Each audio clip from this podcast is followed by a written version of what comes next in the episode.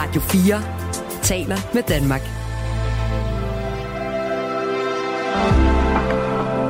Velkommen til morgenrutinen. Mit navn er Mathilde Anhøj, og jeg er jeres vært i morgenrutinen i dag, hvor det skal handle om familien. Og det lyder måske meget hyggeligt, men hvis vi er helt ærlige, så er det jo ikke altid tilfældet. Og derfor har jeg fået besøg af forfatter og psykoterapeut Inge Holm, som blandt andet har skrevet bogen Livsfarlig familie. Velkommen til dig, Inge. Tak. Livsfarlig familie, det lyder jo altså ikke særlig rart. Øh, hvad mener du egentlig med det? Ja, det lyder ikke særlig rart. Øh, og alligevel skal øh, øh, ordet livsfarlig egentlig tages ret bogstaveligt. Øh, fordi der er undersøgelser, der viser, at hvis man vokser op som barn i en dysfunktionel familie, og det kan være en familie, hvor der er vold, eller hvor der er overgreb, eller hvor der bare er følelsesmæssig kulde, så har det faktisk en enorm indvirkning på vores øh, fysiske, psykiske, mentale helbred, og også på vores livslængde. Så helt bogstaveligt øh, får vi et kortere liv, et mere smertefuldt liv, når vi vokser op i øh, en dysfunktionel familie. Okay, så det er altså ikke kun i overført betydning? Det er bestemt ikke kun i overført betydning. Jeg har fundet en undersøgelse, den er desværre fra USA, jeg kunne ikke finde tilsvarende i Danmark, men øh, den, den her undersøgelse fra USA viste, at mellem 70 og 80 procent af amerikanerne betragter deres familie som dysfunktionel. Det er jo helt vildt mange. Øh, jeg ved ikke, om det øh, er svarende til Danmark. Øh, det er der jo ikke nogen undersøgelser om, så vidt jeg kunne finde. Men spørgsmålet er jo også, hvad er en dysfunktionel familie i virkeligheden? For det kan jo spænde vidt. Det kan jo være helt frygteligt, og vold, og, altså, øh, og seksuelle overgreb, og misbrug og alting. Og så kan det vel også være, altså mindre kan vel også gøre det, Ja, eller hvad? den, helt, øh, den, den tilsyneladende, helt almindelige familie, som udefra ser, øh, ser øh, helt normalt øh, ud og ligner familien ved siden af, hvor børnene får madpakke med i skole, og øh, tøjet øh, er pænt, og man får børstet tænder, og øh, man har en hund og tager på sommerferie, og, og alt øh, ser, øh, ser hyggeligt ud. Men indenfor, i øh, samspilsformen mellem øh, forældre og børn, der er det virkelig dysfunktionelt. Nu sagde du samspilsformen. Hvad, hvad betyder det? Ja, det er den måde, øh, øh, man kommunikerer med hinanden blandt øh, familiens medlemmer. Så der kan være konflikter mellem mor og far, som enten betyder, at der er øh, øh, åbne skænderier, men det kan også være kulde, isende tavshed, øh, ironi, øh, sarkasme, øgenavne, øh, og, og, og som præger øh, børnene, men det kan også være direkte øh, mod børnene, at, at hvis man ikke mener og synes det samme som den dominerende person i familien, øh, så, øh, så bliver man straffet. Og straffen behøver ikke at være nogen form for øh, voldelig straf, som vil kunne finde vej ud til avisoverskrifterne. Det kan også bare være regulære, øh, øh, øh, blive holdt udenfor, fryst ude, øh, ikke set, mødt, lyttet til, ikke at få taget øjenkontakt, ikke at blive krammet, ikke at blive holdt om, ikke at blive trøstet. Øh, øh, så øh, barnet bliver på sin vis følelsesmæssigt omsorgsvigtet og udstødt af familiedynamikken, men ingen kan se det. Nej, fordi det er bitte små ting, og måske også kan næsten lure øh, fravær af ting, fravær af øjenkontakt, fravær af forståelse, nysgerrighed, øh, alle de her små ting, vi giver hinanden, når vi godt kan lide hinanden. Fuldstændig korrekt. Det er meget ofte øh, mere fraværet af det, som vil være, i, vil være i en sund familie helt naturligt, som ikke er i en dysfunktionel familie. Og meget ofte vil det være sådan noget med øh, nærkontakt fysisk, og det vil være sådan noget med at se og møde hinanden og forstå hinanden følelsesmæssigt. Ja, altså med tanke på den type dynamikker og hvor udbredt det faktisk er, så kan man jo godt fristes til at stille spørgsmålstegn ved hele den her romantisering om at tage hjem og fejre jul i familiens skød. For det kan godt nok ikke være rart for alle så.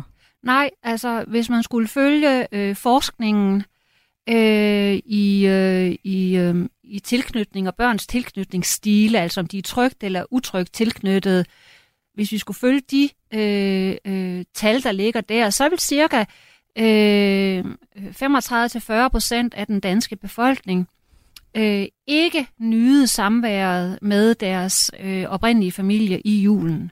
Man siger, at cirka, øh, det viser alle analyser, sådan set ikke kun i Danmark, men, men øh, globalt, at, at sådan cirka øh, øh 70 øh, procent af befolkningen er øh, trygt tilknyttet, og cirka 30 procent utrygt tilknyttet, plus minus, øh, og forskellige tal, hist og pis, men i det, i, i det lav.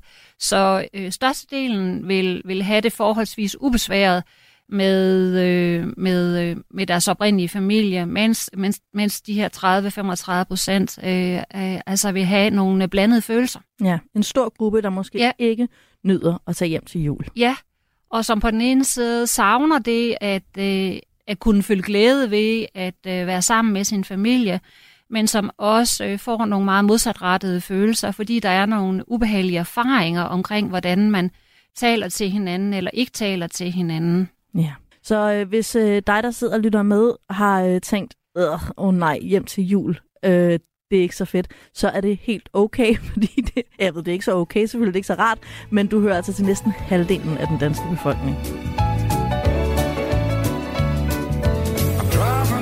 For Christmas Oh, I can't wait to see those faces Christmas,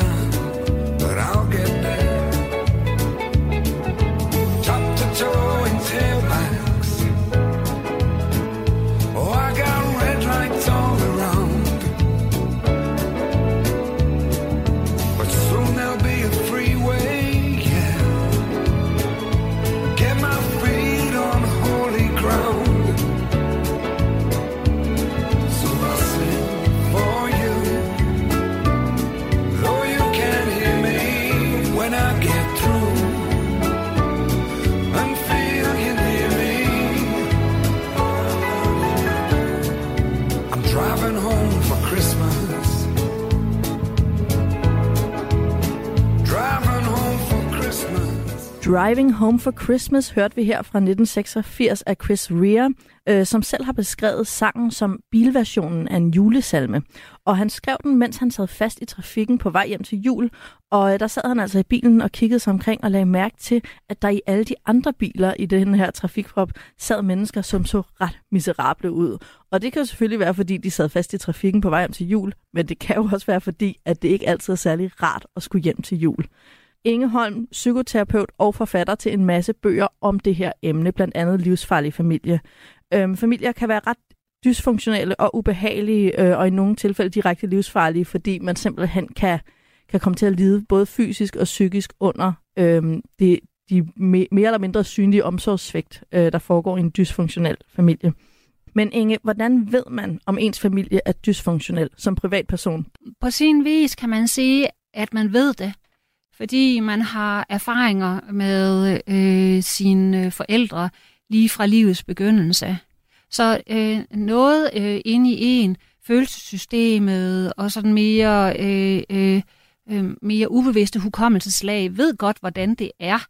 Øh, men den tænkende hjerne kan godt have svært ved at forstå det og acceptere det. Øh, og det vil også bibringe en masse indre splittelse. Er det bare mig, der er forkert på den? Er det sådan her i alle familier? Er det bare mig, der er mærkelig eller nærtagende? Øh, men en af de måder, hvor man, hvor man kan, og man så må sige, kan få en indikation på, at øh, det man ved, mere eller mindre ubevidst, er rigtigt, det er også noget med, hvordan man sig selv øh, stifter familie. Altså, hvordan har man det selv med sin partner, eller partner, man har haft igennem tiden, øh, og hvordan øh, er familiedynamikken egentlig i den, i den nye familie, kan man sige. Fordi hvis, hvis der øh, er nogle mønstre, som man ikke har fået lavet om på, så vil det desværre med ret stor sandsynlighed udspille sig øh, igen. En gang til, kan man sige. Og på et tidspunkt vil de børn, spille den samme melodi igen, indtil der er en modig sjæl, der bryder det. Og det er meget ofte smerten og ubehaget, øh, der bringer mennesker i øh, terapi, og hvor de langsomt så får foldet deres sande historie ud, øh, og begynder at acceptere og tolerere den, også selvom de ikke forstår den. Fordi hvem forstår, hvorfor man som øh, øh femårig øh, blev øh, øh, sendt væk fra middagsbordet, fordi man tabte en gaffel? Altså, øh, det er der jo ikke nogen, der forstår, hvorfor man skulle straffe så hårdt. Nej. Eller hvorfor man aldrig fik hjælp, når man kom hjem fra skole og fortalte, at øh, en stor dreng øh, øh, var efter en, og, øh, og, og, og det bare blev negligeret. Det forstår man ikke. Nej. Men, men det er jo ikke det samme som, at det ikke skete.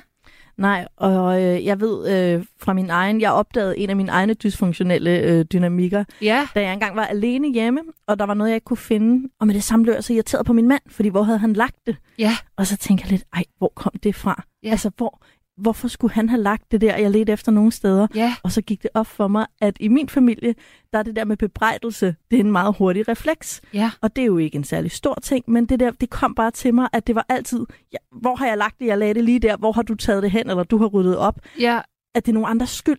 ja, Og det lå så dybt i mig, at selvom Ja. jeg var alene hjemme, og det var en genstand, jeg ved ikke, om det har været en hårlastik, men det er jo i hvert fald noget, min mand ikke havde noget med at gøre. mm, Jeg tænkte, hvordan i alverden kunne jeg komme derhen? ja.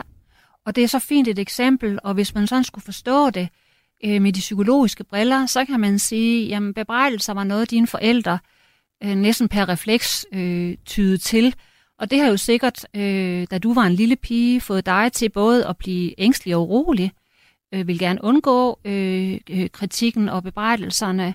Og det har sikkert også vagt noget øh, forkerthed og skamfuldhed. Åh oh, nej, nu har jeg gjort noget forkert igen. Nu er mine forældre utilfredse med mig. Og man kan sige, i det øjeblik, du ikke kan finde din telefon som voksen kvinde, så dukker den her gamle skamfuldhed op. Den her gamle forkerthed op. Det er meget forkert. Det er meget strafbart. Ja, nu er der Øh, nogle fingre, der peger på ja, mig. Nogle øh, usynlige Ja, fingre. og lige om lidt kommer der en straf. Nu sker det hele bare inde i dit eget system. Din mand kunne sikkert ikke finde, ud, finde på at bebrejde dig for det. Og nu er der noget, du ved derinde, der er forkert. Øh, og det skal bare ud. Og når man lægger sådan noget øh, forkerthed ud, øh, så gør man lige præcis det, som du fik impulser til, nemlig til at lukke vreden ud øh, På mod den den, nærmeste person, Den på den næste i rækken. rækken, lige Ja. præcis, for at slippe af med den selv. Ja. Så spørgsmålet er også, om mine bedsteforældre også har haft den her bebrejdelsesreligion som deres coping, når noget var væk, eller et eller andet ikke fungerede. Ikke? Hvis Absolut. skyld er det, hvis skyld Ja. er det. Og nu sidder du der og er gravid, ja. og, øh, og ønsker jo ikke at gentage det. Nej, det er det. Og det er så fint, at du har opdaget det, fordi øh, når man opdager det, så øh, er sandsynligheden for, at man kan stoppe det, jo meget større, end, øh, end hvis man slet ikke ser det. Hvis man bare tænker øh, og synes, at det at bebrejde øh, børn og, og, og Gud og hver mand for små forseelser, ja, så vil man bare fortsætte.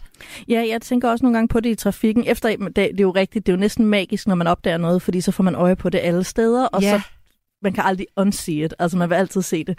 Men i trafikken har jeg lagt mærke til, at folk er meget sure på de andre altid, mm. og det er jo selvfølgelig også en stresset situation. Ja, Det er livsfarligt at være i trafikken, men det er tit, åh, den der person, og han ringede ikke, og hun viste ikke af, og sådan, nu er jeg bare sådan helt, wow. ja, Altså det giver også mening det der med, at jo mere stressede mennesker er, jo mere vil sådan nogle hurtige reflekser absolut. fylde, ikke? Jo, jo mere man er under pres, jo mindre impulskontrol vil man have. Ja. Nej. Du nævnte før det her med øhm, emotionelt omsorgssvigt. Ja, Altså man kan sige, god gammeldags omsorgssvigt, hvis vi tænker på sådan Maslows behovspyramide, så får du ikke mad, eller du ved, du får ikke bad, altså de her meget Ja. konkrete ting. Emotionelt omsorgssvigt. Hvad er det så, jeg som forælder ikke giver mit barn? Ja, øh, det er et virkelig godt spørgsmål, og her er vi tilbage ved det der subtile, eller det, som du også selv nævner. Det lyder som om, det er alt det, der ikke sker. Og det er faktisk øh, øh, også i den retning, vi skal kigge. Det er alt det, der ikke sker.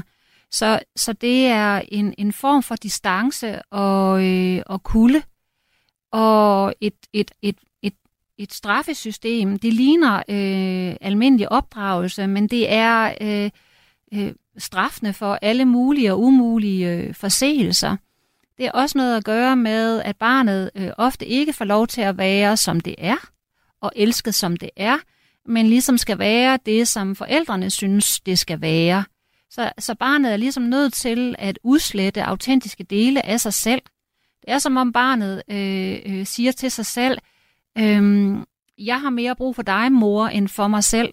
Og da du ikke kan holde mig ud, mor, øh, og jeg elsker dig, så vil jeg gerne udslette mig, sådan at du kan holde mig ud. Ja, og lave om på mig selv. Og så for... laver jeg om på mig selv. Ja. ja. Og, det Og der jo- er en anden dynamik, jeg også måske lige skulle nævnes, øh, som mange øh, af lytterne måske også kan genkende. Øh, det er den dynamik, øh, der hedder, at der er en af forældrene, der tager en, øh, en hjælpeløs, passiv, opgivende position. Så hver gang øh, barnet har nogle øh, følelsesmæssige behov, så begynder den forældre øh, at rulle sine egne behov ud. Så når barnet er ked af det, så bliver forældrene ked af det. Og øh, så er det lige pludselig barnets opgave at tage sig af den ked af det forældre. Øh, og det ligner omsorg, men det er det ikke. Det er et barn, der øh, tager sig af en voksen. Ja, altså rollerne bliver byttet om. Ja, Og man kan jo for eksempel tage øh, et lille barn, hvis vi går ned på noget konkret. Det er altid dejligt at være, være Ja. meget konkret, når man skal forstå noget for første gang. Men et lille barn, der falder og slår sig, der kan en voksen jo komme hen og bevare roen og drage omsorg. Men der kan også ske det her med, at en forælder kommer løbende og selv helt panisk. Du fuldstændig. kan sagtens se mig selv gøre det. Ja. Jeg prøver at skjule det, når det sker. Ja, Hvad er der dog sket? ja Og lige pludselig er det mine følelser som voksen, der Ja. fylder hele rummet. lige præcis. Og nu skal barnet til at tage sig af, af mine følelser, fordi Ja. nu fylder de faktisk mere, end han sov. Ja, og egentlig er det mere skræmmende, kan man sige, at man faldt og slog sig. Øh, øh, der er det meget mere skræmmende, øh, øh, den måde mor agerer på. Ja. Så, så barnet vil tilsidesætte sig selv og sin egen, her i det her tilfælde fysisk smerte ved at være faldet, for at tage sig af den psykiske smerte, som øh, vækkes øh, i mor. Og det sker utrolig subtilt. Så du tænker, at den forskrækkelse, som et barn oplever, når de falder og slår sig, og uh, der er blod på knæet, Ja. den bliver faktisk over... Altså, det er mere uhyggeligt, hvis mor går i panik, eller far går i panik over det. Meget værre. For Hvordan kan at- det være? Fordi øh, for et barns perspektiv, så er mor og far øh, øh, selve båndet til livet. Og uden mors og fars øh, øh, balance, harmoni og stabilitet, så, så har barnet ikke øh, en tryg base at læne sig op af. Så, så vil det være som at læne sig op af noget, der kan vælte hvert andet øjeblik. Og så bliver barnet lige pludselig den, der render rundt og holder øje med, at forfærdelige ting ikke sker. Og så misser barnet sin øh, sunde, naturlige barneudvikling. Så en forælder, der ikke bevarer roen, det er en af de værste ting, et barn kan komme ud for. Ikke nødvendigvis, kan man sige, fordi der er jo nok ikke nogen forældre, der kan sige sig fri for ikke at blive rigtig forskrækket. Men hvis det sådan er et gentagent mønster, som næsten uden undtagelse dukker op hver gang barnet har nogle følelsesmæssige behov, det kan også være, hvis barnet er vred, at, at så, øh, så begynder mor også at græde, eller far også at græde, eller øh, bliver indelukket og tavs og, og tilsluttet, i stedet for at spørge barnet, øh, hvad er der galt? Øh, hvad sker der inden i dig? Det ser ud, som om du er vred. Skal vi tale lidt om det? Altså, hvor man inviterer barnet til at, at øh, sige noget om, hvad der foregår, så bliver barnet øh, øh, kappet af. Ja. Så det emotionelle bånd, øh, det brister. Og så lærer man jo det, og man kan sige, jeg kan godt forestille mig, øh, hvad skal man sige, barnelærdommen, at sådan, okay, der er ingen grund til, at jeg løber til mor og far, når jeg er forskrækket, fordi det får jeg ikke noget ud af, det bliver bare mere uhyggeligt. Ja, Hvad så, når man som voksen øh, er på vej hjem til jul øh, med forældre, hvor man har den her dynamik? Øhm, så øh, har man måske, man kan sige, hvis alt går fint i livet, så er det måske fint nok at tage hjem til jul. Men hvad nu, hvis man skal hjem til jul og lige har mistet sit job, eller mm, er blevet uvenner med sin kæreste, eller har et eller andet, der er svært? ja. Det kan da ikke være rart. Nej, øh, og især ikke, hvis man bærer på erfaringer om, at, at det kan på ingen måde øh, håndteres øh, sundt og kærligt i familien. Så, så hvis man kommer hjem og lige har mistet sit job, et, det kan være, at man vælger slet ikke at sige det. Det er der nogen, der vil gøre. Og andre vil måske forsøge at fortælle det, men vil også have meget blandede følelser med at fortælle det. Så selv hvis forældrene faktisk prøver at være øh, forstående, så vil øh, de der ambivalente følelser inde i en selv øh, stride ud til højre og venstre og gøre det ret umuligt øh, at, øh, at få en konstruktiv samtale om det, fordi dynamikken er allerede kriseramt. Så selvom forældrene måske i løbet af de 30 år, der er gået, siden barnet var lille, er blevet mere, bedre til at være forstående og Ja. lyttende, så vil barnet stadigvæk bære rundt på en ambivalens, altså Ja. en splittelse i sig Ja. Ja. det her, fordi jeg bliver jo nok ikke mødt. Lige præcis. Indtil man får taget hånd om det som et, et, et, et psykologisk problem, man har enten i sig selv. Og måske øh, øh, heler man på den måde, at man erkender, at ja, mine forældre kommer aldrig nogensinde til at, at øh, kunne tage en samtale med mig om min skilsmisse eller om det job, jeg mistede. Øh, så jeg vælger andre mennesker øh, at have de samtaler med. Og så har jeg en relation til mine forældre, hvor vi kan tale om øh, vejr og vind, og skal vi have and eller, eller, eller flæskesteg. Og det er det plan, det bliver på. Ja, Og det er sørgeligt, men det kan man godt overleve. Ja, Øh, og det kan også være, og det er der jo nogen, der gør, der siger, øh, det er så øh, krænkende for mig at komme øh, øh, tilbage til min øh, barndomsfamilie og mine forældre, at øh, jeg sætter det på pause, eller jeg, jeg trækker dem ud af mit liv. Det er Ja. der også nogen, der gør. Det er meget radikalt for de fleste. De fleste ønsker ikke at gøre det, men nogen kan bære nødt til det. ja. Ja. Der er simpelthen forskellige øh, muligheder Ja. for, hvordan man kan reagere på det her. Ja. Men, men det lyder som om, at første skridt er at forstå, hvad er det, der er lidt galt i den, i den her familie. Ja, lige præcis. Ja. Og, og forstå, hvorfor man har det, som man har det, øh, som der er en god grund til. Det er ikke, fordi man er en øh, dårlig søn eller datter. Øh, det er udelukket nogle senfølger efter nogle samspils- øh, og kommunikationsformer, som bare har været rigtig uhensigtsmæssige. Og så måske går generationer tilbage, lyder det som. Lige præcis. Jeg gør mange ting, der er fucked up. Et temperament, der ødelægger alt. Jeg ved, at det er nok nu Ved godt, at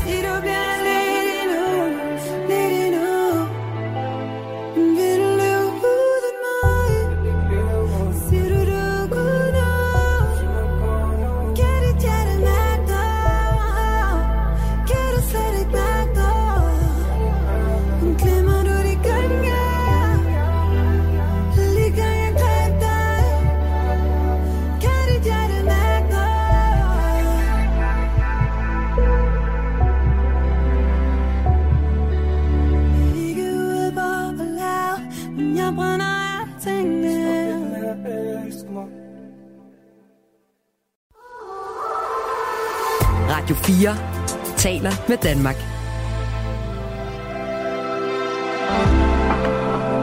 Velkommen til morgenrutinen. Mit navn er Mathilde Anhøj, og jeg har i dag besøg af Inge Holm, psykoterapeut og forfatter, og noget af en ekspert i, hvad man på godt gammeldags dansk kan kalde dårlige familier. Du nævnte før det her med tilknytning som en, øh, hvad skal man sige, en stor faktor i dysfunktionelle og, og funktionelle øh, familier. Og der var, hvor mange procent var det, du sagde, der havde en tryg tilknytning? Det vil cirka 65-70 procent af befolkningen vil, vil have en, øh, en tryg tilknytning. Når man så er på vej hjem til jul til en familie, hvor man har en tryg tilknytning, og man Mm. sidder der i, øh, i toget, Mm. hvordan føles det så? Ja, så har man det jo egentlig forholdsvis øh, afslappet og, øh, og, og fint med det. Det er jo ikke det samme, som der ikke kan være kurer på tråden. Det er ikke det samme, som man ikke synes, at ens øh, gamle far måske øh, øh, øh er lidt irriterende, når han gentager sig selv for 25. gang. Øh, så det er jo ikke fordi, at der ikke godt kan være nogle negative følelser. Men generelt er det ikke noget, der vækker særlig meget ubehag, og det er heller ikke noget, hvor man tænker, det kan jeg ikke holde til, eller jeg bliver krænket. Så man har ikke de oplevelser af at øh, blive, øh, altså, øhm, blive kørt over af, øh, af sin familie, og faktisk heller ikke andre. Det kan også være, at man har en chef, der er lidt speciel, men man har stadigvæk den oplevelse af ikke at være krænket. Øh, og hvis endelig man oplever sig krænket, så er det ikke noget, der øh, bliver til sådan et mega issue. Så tænker man måske mere, den her chef øh, tror jeg egentlig ikke, jeg kommer til at udvikle mig særlig godt under. Jeg tror, jeg finder et andet arbejde. Meget udramatisk. Hvis man så ikke har en tryg tilknytning, hvad har man så? Ja, så har man en masse angst. Inden i en er der nogle øh, opfattelser øh, af andre mennesker som potentielt farlige og krænkende. Og som helt ubevidst hele tiden vil være sådan et filter, man har i sine briller. Og det har jo, altså det er jo nogle, på en eller anden måde store ord, du bruger, øh, men det kan jo også bare være en ufølsom vidighed, Ja. eller ikke at blive spurgt ind til ens nye arbejde, eller andre små ting. Absolut. Så man går simpelthen fra sin familie ud i verden og skaber kopier af sin familiedynamikker, eller hvad? Ja, desværre. Er det det, man kalder gentagelsestvang? Lige præcis. Det var Freuds ord for det, gentagelsestvang. Altså, at man bliver ved med at, at udføre, Ja, gen, gen, genudspil. ja, genudspille øh, det oprindelige drama. ja. Hvorfor gør man det? Det er da noget mærkeligt noget. Det er øh, vildt mærkeligt, og vi kan kun forstå det, hvis vi tænker det på, som at der er oplevelser i vores ubevidste hukommelsessystem. Og det, er det der styrer os hen imod den partner, øh, ind i den adfærd. Og det er klart, at man får noget helt specifikt adfærd, hvis man er meget krænkelsesparat. Ja. Fordi bare de kigger væk to sekunder, Ja. så oplever man det som øh, et svigt. Ja, fordi man allerede havde dem mistænkt for ikke at kunne lide en. Fuldstændig. Ja. ja. Vil du sige, altså er det sådan, man kan sige i samfundet generelt, at der er kommet øh, mere og mere utryg tilknytning sådan rundt omkring i familierne, eller er der kommet mindre utryg tilknytning? Man hører meget om det her med telefoner for eksempel, og forældre glor på telefoner ja. hele tiden. Er, der kommet, ja, er det blevet værre med utryg tilknytning? Øh, der har tallene været helt forudsigelige og meget stabile. Øh, så der er ikke noget, der peger i retning af, øh, at det ændrer sig, øh, hverken til det bedre eller til det øh, dårligere. Men der er selvfølgelig ikke nogen, der ved, hvordan det kommer til at se ud øh, længere hen i sådan en digital øh, tidsalder. Øh, men igen, de forældre, som har selv har et trygt tilknytningsmønster, vil være meget mere i stand til at være til stede med deres børn, øh, og vil være i stand til at reflektere over deres skærmforbrug og sige, det går jo ikke det her, at jeg glor på den skærm hele tiden, og ikke kigger på min baby. Nej, skyldig. øhm, du har også skrevet om i, øh, i flere af dine bøger, med det her med følelsesmæssigt umodne forældre. Ja. Kan du ikke forklare, hvad det egentlig er? Jo, følelsesmæssigt umodne forældre kan jo være forældre op i 30'erne og i 40'erne, øh, og, øh, altså, og i 20'erne, som, som øh, har svært ved at være i øh, nærkontakt med barnet, uden øh, at øh, enten blive meget angste, bange, ængstlige, eller øh, vrede øh, og straffende på, øh, på barnet. Så det har typisk noget med deres egne øh, uafklarede følelsesmæssige indre tilstande, der ligesom spejler sig igennem i forhold til det at få et barn. Så det er forældre, der ikke formår at regulere deres egne følelser Ja. sådan hensigtsmæssigt. Lige præcis. Og som for eksempel det eksempel, vi gav her øh, før, altså øh, som du faktisk gav med, at et barn falder og ser øh, noget blod, og uha, det er meget øh, farligt. Men så sker det endnu mere øh, crazy, kan man sige, og meget mere farligt at se fra barnets perspektiv, at, at mor går fuldstændig bananas i sådan en blanding af at blive øh, vred og, og bange og øh, altså øh, virkelig dramatisk øh, reaktion. Og det kan man sige, det vil være sådan et udtryk på sådan en form for en følelsesmæssig umodenhed, som er blevet trigget. Når hun ser sådan noget her, øh, så, øh, så klikker hun ud af øh, øh, en reguleret zone og bliver ureguleret. Så det er følelsesmæssigt uregulerede personer. Enten ved, at de er fuldstændig nedtonet og hæmmet, og der kommer ikke noget fra dem, eller ved, at de er over i det der overdramatiske felt øh, på et splitsekund. Ja, så mm. øh, de to øh, frygtelige poler er intethed og overeksplosioner. Ja, Det er, det er det, vi mener med følelsesmæssigt umodne lige forældre. præcis, som korresponderer med de to forskellige utrygge tilknytningsmønstre. Det, der hedder det afvisende, undvigende, og det, der hedder det ængstlige, ambivalente.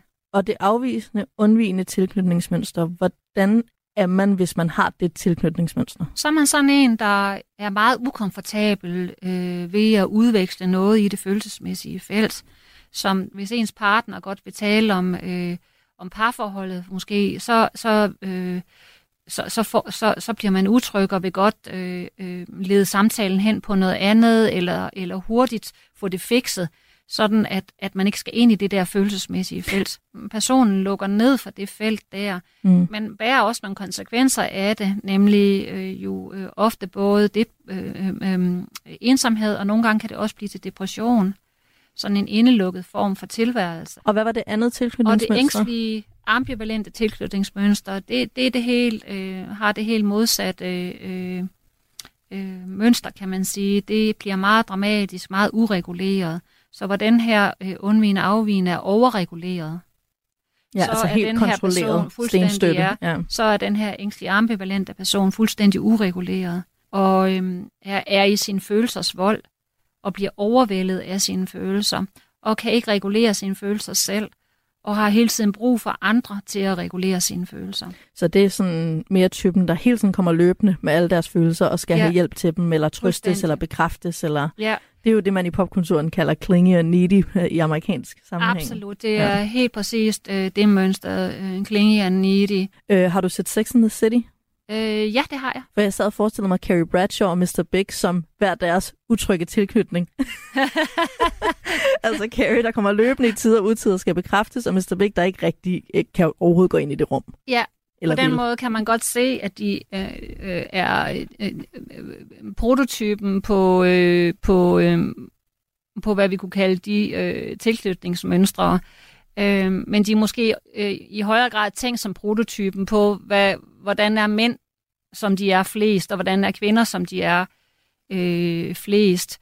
Ja. Okay? Tror du, der er flere kvinder, der har den her øh, ængstlige, ambivalente tilknytning, og flere mænd, der har den her, øh, jeg var lige ved at sige afstumpet, det var ikke det ord, du brugte, Nej, undvigende, afvisende. undvigende, afvisende tilknytning. Ja. Er, er der noget, noget køn der?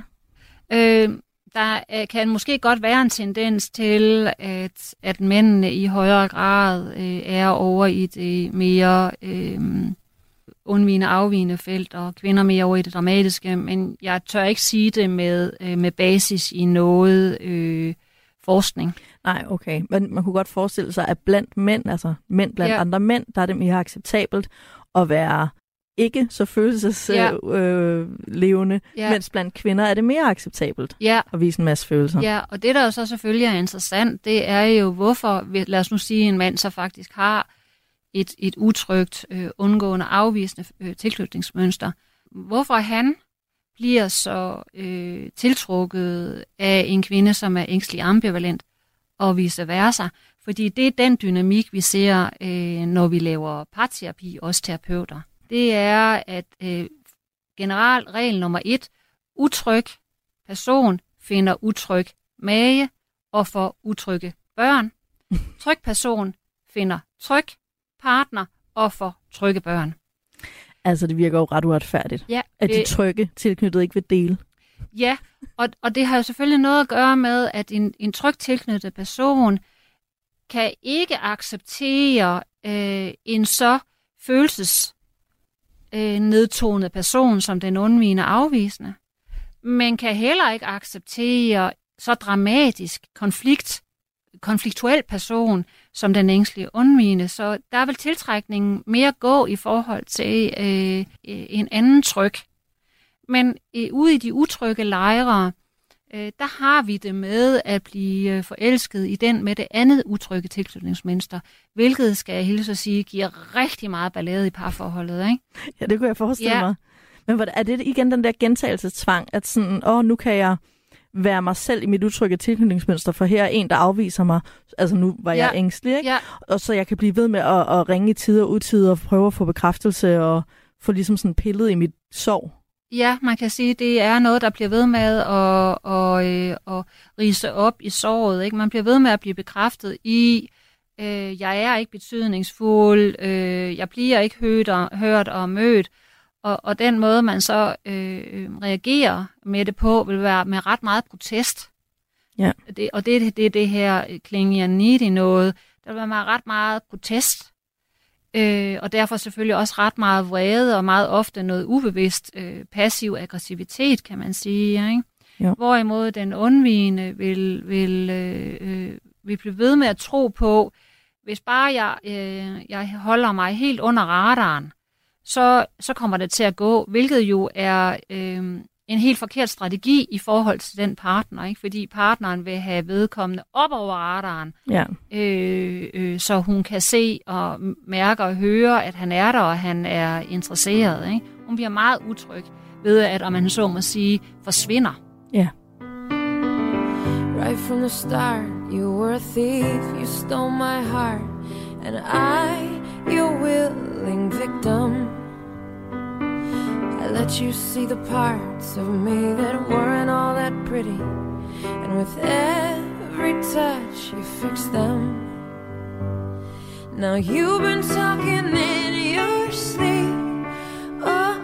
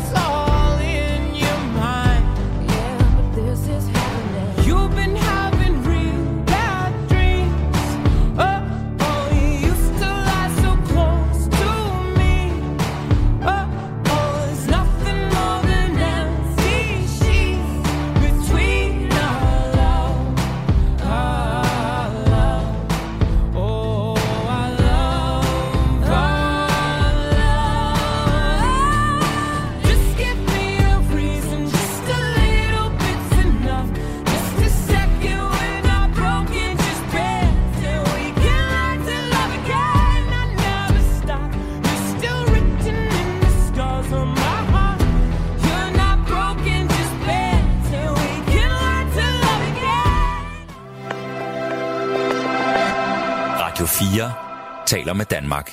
Vi taler i dag om at fejre jul i familiens skød på den rigtig ubehagelige og anstrengende måde, fordi det er nemlig sandheden for mange af os. I hvert fald 30 procent, måske flere, øh, har det ikke særlig fedt med at skulle hjem til jul. Har det måske en del bedre med at komme hjem igen til vores eget hjem, væk fra vores familie.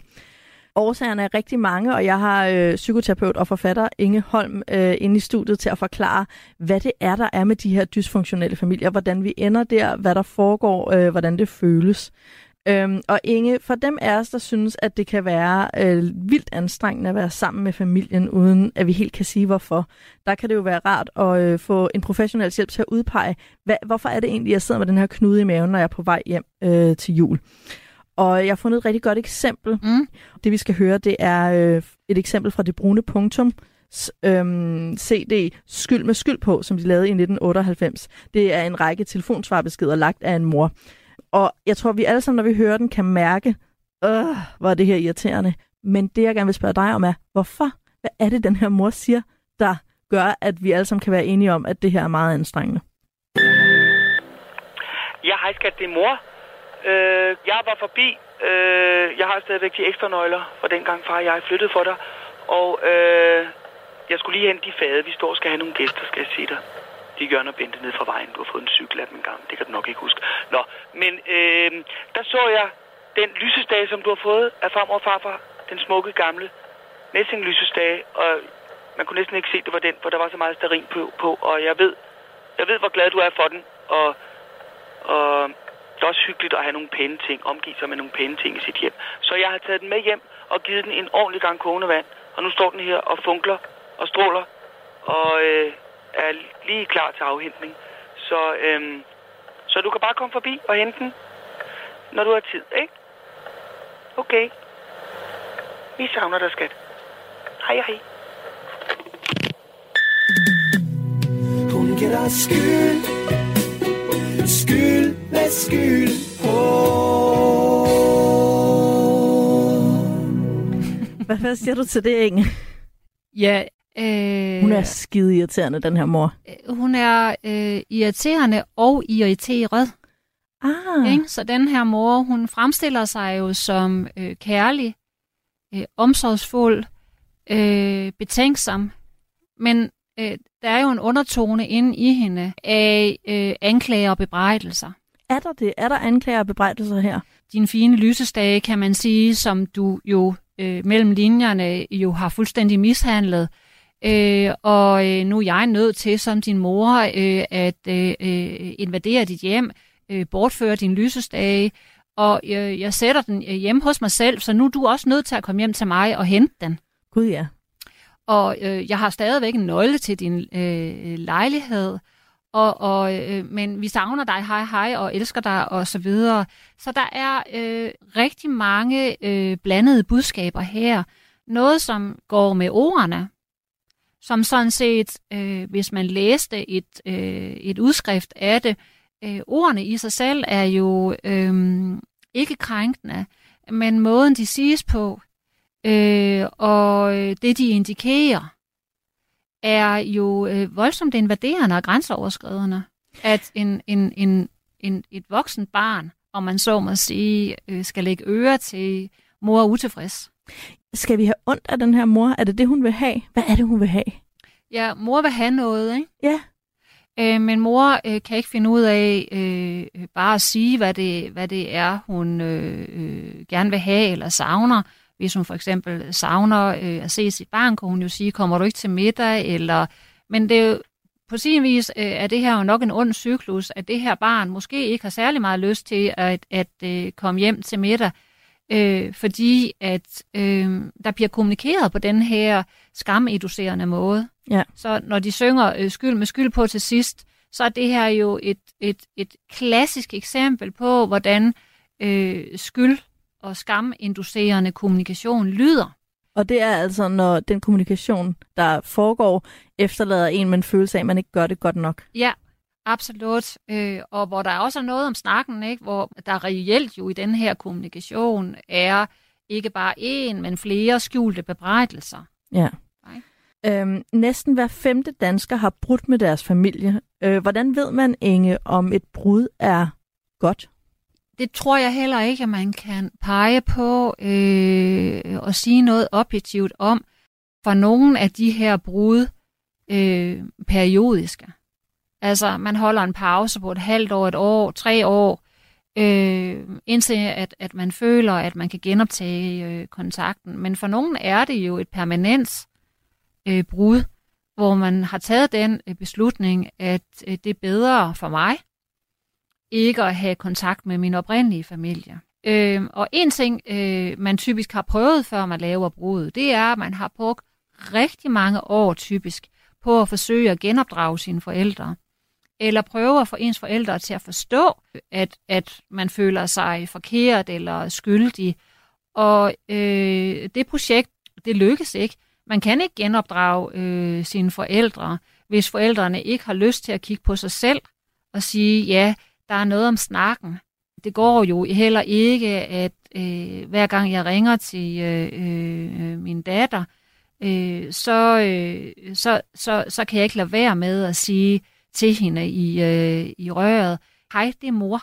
Jeg har jo ikke hørt fra dig nu i øh, tre uger. Og hvor man jo bare kan høre, at det er øh, bebrejdelser, der ligger nedenunder der. Ja. Hvis man som forældre ikke har lyst til at kigge på det, og finde ud af, hvad det handler om, så kommer der ikke nogen forandring. Og i øh, de her dysfunktionelle familier, så vil øh, benægtelse øh, være meget mere hyppigt forekommende, end at, at man lige reflekterer over det, og tænker, ah ja, det er også rigtigt. Øh, jeg sagde, fik faktisk sagt noget her mellem linjerne, det var, øh, det var ikke i orden. Mm. Det, det vil vi desværre ikke se ret meget af. Nej. Så, så i den, i, øh, den oprindelige mor og far vil holde fast i deres øh, syn på deres voksne barn, at det er det voksne barn, der er øh, den besværlige. Ja, den forkerte. Og den forkerte, ja. Og, og så er der en anden væsentlig ting, jeg, jeg tænker, for, også fordi du sagde, at man, øh, man øh, hver femte holder op med at se deres familie. Og her er det faktisk vigtigt at pointere, at øh, det er hver femte, der holder op med at se deres oprindelige familie. Fordi øh, når man er blevet voksen og træder ud af sin barndomsfamilie, så er ens familie faktisk de børn og den partner, man får. Og ens forældre og fædre og kusiner osv. bliver altså biting. Men for de utrygt tilknyttede, så bliver mor og far og ens søskende og ens fædre, kusiner og tanter og onkler desværre ved med at indtage førstepladsen, og ikke ens egen børn. Er det virkelig rigtigt? Ja. Nå, hvordan kan det være, at man, Man er hænger, så hænger ved de dårlige skørter? Ja, man hænger øh, som i den her gentagelsesting, ikke? Mm. Man hænger i, at man vil have stadigvæk have sine øh, nu måske aldrende forældre til at forandre sig. Og det bruger man så meget energi på. Fordi man ikke vil opgive håbet. man vil ikke opgive håbet. Og den energi, desværre, har det jo med, at, at i forhold til ens egne børn, at etablere noget utrygt tilknytning. Ja. Ikke? Fordi man er simpelthen øh, øh, mere optaget af sin gamle mor og far, end man er af sine egne børn, og også af sin egen partner. Ja. Hvorimod en mere trygt tilknyttet person, altså ligesom bliver 18, og siger, øh, hej hej, nu øh, er jeg klar til at gå ud i verden og, og, og lave min egen familie, og jeg er klar til at øh, leve mit liv selvstændigt. Og der er også nogle forældre, der slipper og siger, held og lykke på rejsen, gør hvad du har brug for, ikke? Og det er jo igen, hvad er vigtigst? Barnets følelser eller forældrenes følelser? Og der skulle det jo altså helst være barnets. Det har du fuldstændig ret i. Øh, nu talte vi lige om brud med familien. Jeg ved også, du nævner i øh, bogen Livsfarlig Familie, at der er jo øh, brud på familien, der er også brud med dynamikken. Og ja. Hvis vi går tilbage til det her skyld med skyld på klip, øh, hvordan bryder man den dynamik i den situation? Ringer man op og siger, luk røven, mor? Eller altså, hvad, hvad gør man for at bryde den dynamik, hvis man ikke er klar til at slå op med sin mor? Man kan sige til hende, jeg gider ikke høre på dine bebrejdelser. Og så siger hun jo sikkert, jamen jeg har ikke bebrejdet dig. Og så siger man måske, det kan godt være, at du ikke kan se det, men det er sådan, jeg oplever det, og det skal du lade være med.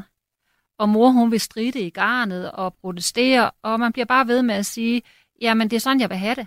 Kan man også bryde mønstret bare ind i sit, altså hvis man ikke gider at snakke med sine forældre, Ja. kan man så også bryde mønstret følelsesmæssigt inde i sig selv på en Ja. eller anden måde? Det kan man. Det kan godt være, at man har brug for lidt hjælp til det, men, men man har brug for at forstå, at den skyld og skam, man mærker, ikke er en sund og naturlig skyld og skam.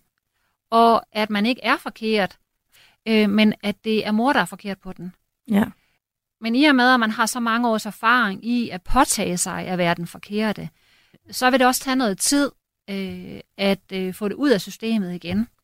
Ja. Og hver gang følelsen kommer, så vil jeg kæmpe øh, som en sindssyg på øh, ikke at gå med den. Ja, og sige nej til den. Jeg siger nej til følelsen. Inge Holm, psykoterapeut og forfatter. Du har skrevet den her bog, Livsfarlig Familie, som vi talte om. Du har også skrevet nogle andre bøger om samme emne, man kan kaste sig over. Øh, Den ene hedder Den Indre Uro. Der er også den her øh, bog, der hedder Forkert. Den hedder Forkert, ja, øh, og har en, en undertitel, der hedder Skam, Skyld og Selvsabotage.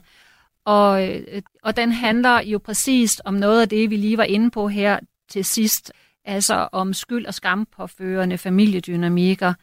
Øh, både hvordan det præger ens syn på sig selv og andre mennesker.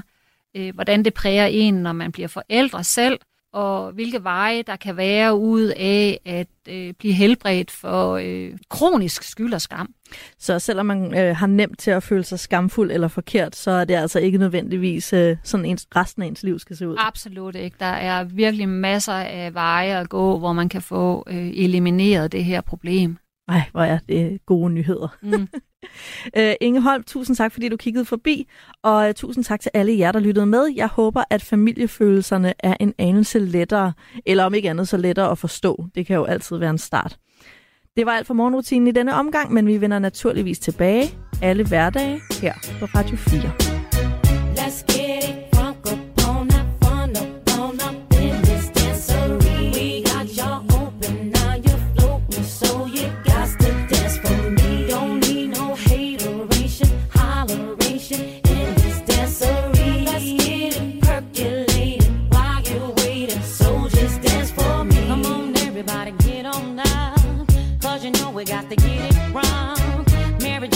The spot tonight, and I'ma make you feel alright. Alright. Come on, baby, just party with me. Let loose and set your body free. Leave your situations at the door, so when you step inside, jump on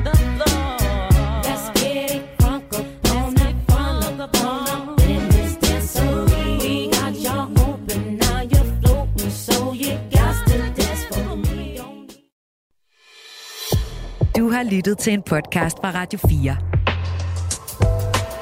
Find flere episoder i vores app, eller der, hvor du lytter til podcast. Radio 4. Ikke så forudsigeligt.